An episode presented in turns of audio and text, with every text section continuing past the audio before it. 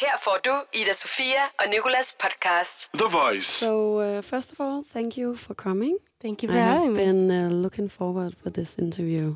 You have been to Denmark before, right? You talked about the Yes. decaf and all that. Yeah. yeah, yeah. I uh, I toured here with with Niall uh, Horan last spring, which is fun because we're actually performing at the venue that we opened for him ton- tonight. Today, yeah. Yeah. Vega, Yeah, yeah. Mhm. Yeah. th- Are you looking forward to go back? I am. Yeah, it's gonna be really cool because when we came here, it was one of our first tours we had ever done, and we were still pretty new to it all. And so now to come back and have it be our fans, uh, we can really see how Copenhagen does it. Yeah. I'm really excited. I'm sure it's gonna be so great. Yeah, it's gonna be fun. Your your tour is called Inner Monologue. Yes. Yeah, and that's also what your latest albums are called. Yes. How should we understand that title, or what does it mean?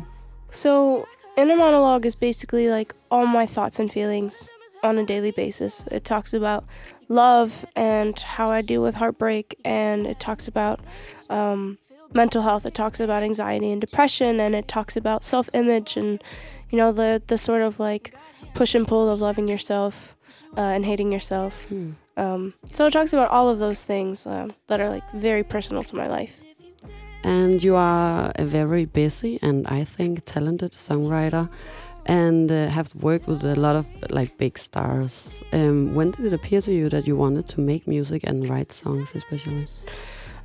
Well, I've always loved poetry. That's kind of like how I started with everything. And when I was about 12, my mom had got me a piano, and that's when I sort of just started like putting all my poems to um, song. And um, and then I just loved writing. It was something that I just like always loved doing. And um, my sister was a singer, and I would just make her sing all my songs. Like, here, sing this. and um, and yeah, so I, I don't know. I guess I kind of knew at a really young age, before I even knew that that was like a thing you could do, uh, and it be like a profession. Um, and then it started really becoming a thing when I was around 17. Um, that's when I really started like meeting people and, and really getting into the, the business of it all. And when did it appear to you that you were like talented and Oof. Um, that's a. That's or a has it even yet? I know, right? You're asking a very non-confident person. yeah. Um, I don't, I don't know. I guess I've never really thought about it. I guess, I guess when like people start, when people keep calling you back, then you know that maybe you're meant to do something. You know that you- maybe you Hmm. don't completely suck at something. Um, how does it feel when you like write a song and put your heart into it and then have to give it away to another person? You know, um, sorry, I'm a songwriter first. That was my first love. Uh, so for me, um, it's not as difficult as it sounds. If I know that the person I'm giving the song to is gonna nurture it and love it and take care of it, um, then I'm like all for it. Like, please adopt my children. Go for it. I have some uh, favorite songs of yours, and I would like to uh, discuss them with you today. sure. And I want to start with uh, a song from Inner Monologue Part One, and it's Mhm. called Anxiety. hmm You made that song with Selena Gomez. I did. And uh, why did you choose her? I've known Selena for a really long time. We started writing together when I was 19, and um, we've just uh, I've known her for ever since, and uh, we did a lot of songs together on her last record, and and it's something that we had always sort of talked about, and um, I knew I wanted to have you know someone else on it, and um, I thought how cool would it be if it was a, a girl, and it was you know it was us, you know, not doing the typical like girl on girl song where we're like fighting about another guy or like we're you know doing something really like petty and like pinning each other against each other. Um, and you know I I sent it to her because it's something that we both deal with. And she was like oh I would love to do this. Mm. and I think from like the minute that I sent it to her like she had put her voice on it like 4 days later or something. She just loved it so much. And yeah I'm so grateful. It's nice to to have a song about you know two women dealing with the same thing. And Mm. it's not like it's not like we're like yeah we're getting over it but it's like hey we're living with it and we're dealing with it every day you know? It's really cool Yeah, I'm so glad you made it. Thank you. Thanks so much. And why? Yeah, maybe you kind of just answered this question, but why did you want to make a song about anxiety? It's something that's been a part of my life since I was 17, 18. Mm. Um, I went through a phase of sort of just having panic attacks every day, uh, where they were like unbelievably debilitating. I couldn't move, I couldn't do anything. Um, I'd be in sessions and I'd literally be in like a corner, like in the fetal position, freaking out. Um, I just like, it was just a, it was a really hard, hard, hard time in my life. And a lot of the times I feel like I write songs, I write the personal songs, like the super, super personal ones, like anxiety Mm. and like body on part two, because I feel like I can't be the only one in the world that deals with these things. Even though these things feel very isolated and very scary, um, I'm just like, there's no way that I'm the only person that deals with them. And then when you put out a song like that and you see the reactions that that happen, you're like, oh, I'm not. You know? yeah, you're definitely not. and so that was a big that was a major one for me is is sort of like cutting the isolation and knowing that knowing that that's that's not the case at all like you are literally not alone you know and i guess i just wanted to find my community of people that that feel the same way And I uh, I found some of the lyrics from the song. It's uh, with the number one up here. Can you read it out loud and maybe describe what kind of feelings that is? yeah sure um, says oh i try my best just to be social I'll make all these plans with friends and hope they call and cancel. Then I overthink about the things I'm missing, and now I'm wishing I was with them. Hmm. I do that a lot, you know, and I think a lot of people do that. You know, like they'll they'll make make plans and then they kind of hope that like their friend will like cancel that so that they don't have to go out and be in like the social like you know like weird thing where there's like new people and you have to like talk to them and you know like it's really awkward and uncomfortable. And then you and then you cancel and you're like oh I just I don't feel very good. I'm like I think I should stay in bed but really you just want to watch reruns of like fucking SpongeBob. And then like and then you see all these like Instagram stories of all your friends out drinking and having like the best time and then you start crying because you're like shit I should have been there like I'm such an idiot I've done that so many times Me too. raise his hand Me too. Yeah, I'm raising my hand right now. Oh, I just wanted you to describe exactly that situation. it's perfect. Thank you for that. And anxiety is like a major problem uh, among young people Yeah. in Denmark and other places in the world. Mhm. Um, why do you think that it is? I think it's always been a part of society. I just don't think it's been as talked about as it is now. We have evolved into people that are like very emotional and very vulnerable, and we use vulnerability as a strength and not a weakness. And, you know, we have all of these different outlets now where we can talk about it and we don't have to suppress it anymore. And, you know, I think there's just a lot of things in the world that make us feel overwhelmed and, and, and a lot of things that are scary and new and, you know, that, that can really like overwhelm a body and a mind. Um, but I'm so grateful that we're in this time right now because now we can break this stigma and we can all do it together. Yeah. And the last one for this song is uh, what do you hope the song can do for people who are listening to it? you know, I've I've met a lot of people through social media, in my meet and greets, um, at my shows, that say, you know, I've never really known how to put it into words, how I feel, and you have. So I guess I just want people to find their sort of voice in the song and find their own perspective and figure out how they can deal with it on their own and then feel like they can talk about it.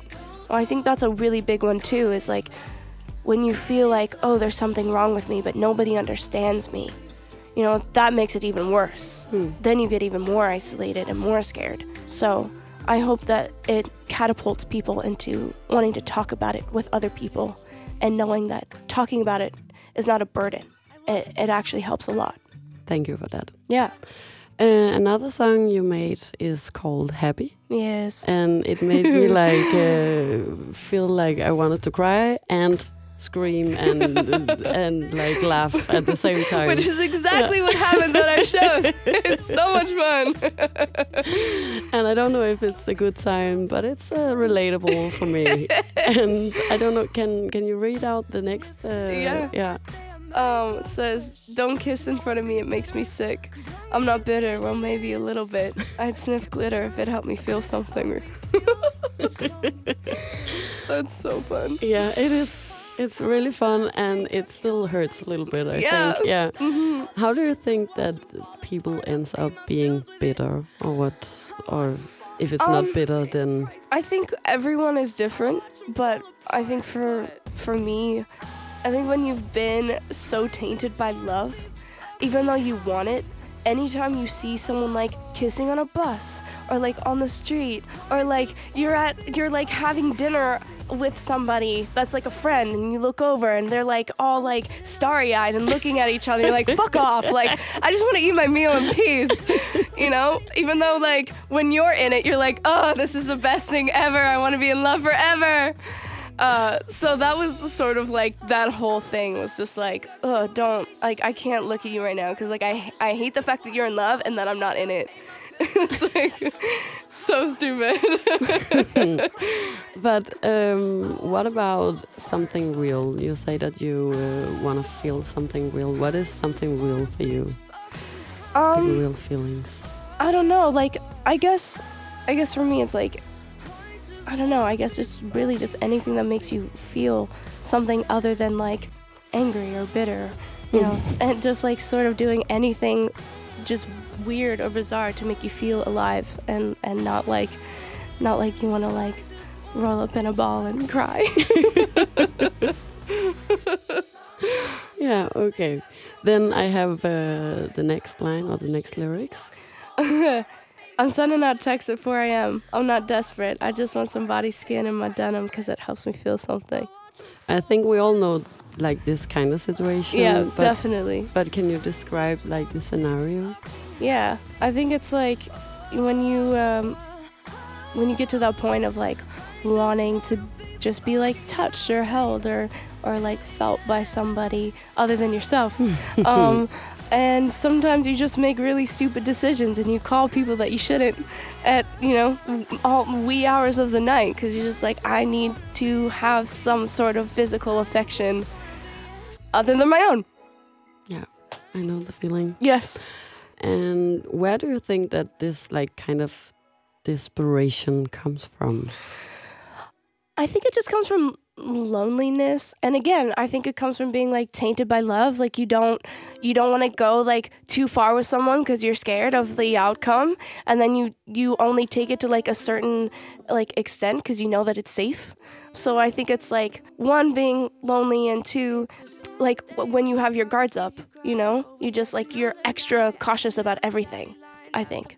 So maybe we should put our guards Down. down. Yeah. yeah down. Yes. Yeah.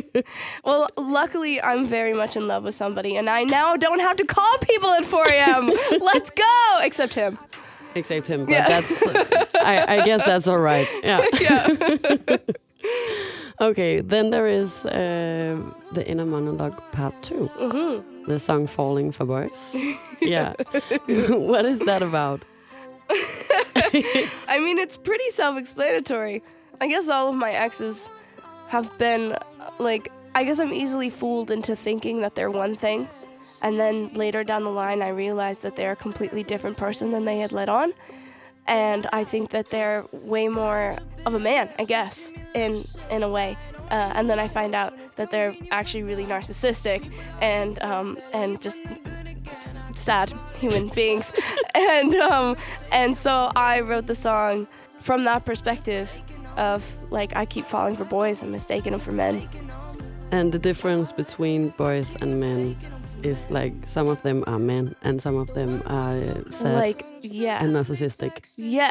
Like I just feel like like you know the difference when you're in it. Like boys are the ones that like ghost you. They don't call you back. They sleep with you and like promise you the world and then you don't hear from them again. They like love you for 2 months and then they're like, "All right, I'm out cuz I'm scared of you. Like this feels too real. I'm out." like that's a boy. A man is Right someone there. that sticks around. Like you're sick, he's right there with you. like he's getting your fucking like pills. He's making sure you're set up with Dayquil. He's making he's he's on the phone with your mom, being like, "Hey, everything's cool. I've got her. I'm taking care of her." Like my boyfriend the other day was like ironing my pants. I was like, "Excuse me?" He's like, "It makes me feel calm." I was like, "Great, it makes me so feel nice." like I don't know, you can just tell. You can tell a difference between a boy and a man. That's a real man. Yeah. Ironing. Yep. I like that. I know. Really. Yeah. Ugh, keeper. um, do we have an advice for uh, for those men who are behaving like boys then? Cut it the fuck out. Like just grow the fuck up. and that's pretty much it. And what about girls who uh, keeps falling for boys who uh, or men who uh, is behaving like men? Oh, Boys, you understand? it's what I mean. I got you. You got me. um, It's hard. It's so hard because when you've got those rose-colored glasses on, everything just looks like squeaky clean and like a fairy tale and like everything that you want it to be. I mean, you see the signs early and then you're just so in love that you just like ignore them. Like, I guess my thing would just be like, if you see the signs early, they're not changing. no. They're not changing. Yeah. Yeah, we should be better at like saying that to ourselves. I tried a lot of time where my girlfriends were like, red flag, red flag, right in his head. And I'm just like, no, can she not? And red flag. You're like, no, Yeah. he's great. Yeah, What are you talking about? Oh yeah, been there, Yeah. done that many times. JB shaking his head in the corner, like, "Yep." It's horrible. Okay, the last uh, song is uh, Fucked Up Kinda. Yeah, And then uh, like a, a dash or what is called role model. yeah, Yeah. And um, would you uh, maybe read the last part of? sure. I know I shouldn't want it, but I do. All of my friends say I probably shouldn't be with you. You know, you know, I want you more the more the more you put me through. I guess I'm fucked up, kinda. Which is literally what we're talking Yeah, about. It's like exactly. we just ignore the signs. Like we don't realize like how bad things are for us until we get out of it, and then we're like, "Whoa, that was bad. like that was really bad. like why didn't anybody tell me?" They're like, "Babe, we, We did. One hundred percent every right- fucking time." Why do you think that people are like kind of attracted to those kind of relationships? I don't know, honestly. I mean, again, everybody is different, but maybe because it is like the drama. I think the drama like excites you and like I think if I think there's like a mentality that's like if you don't have the drama, then it's not as exciting, which is so not the case. Uh, like I've always been attracted to like dramatics of like we're fighting and then we're passionately like making love and then we're fighting again and like all of this stuff and then all of a sudden you're like exhausted and you're like oh my god is this gonna be the rest of my fucking life? And then you're in something that feels really stable and you're like oh wow like this is what it's supposed to be like what, wh- why didn't anybody tell me sooner that this is like what again, it's supposed to be we like did. yeah We did. exactly That's actually that was my last question. Twenty minutes has passed, Fun. and it was so fun. Yes. Yeah, and really nice to talk to you. you too It's true. But all my friends, they don't know what it's like, what it's like.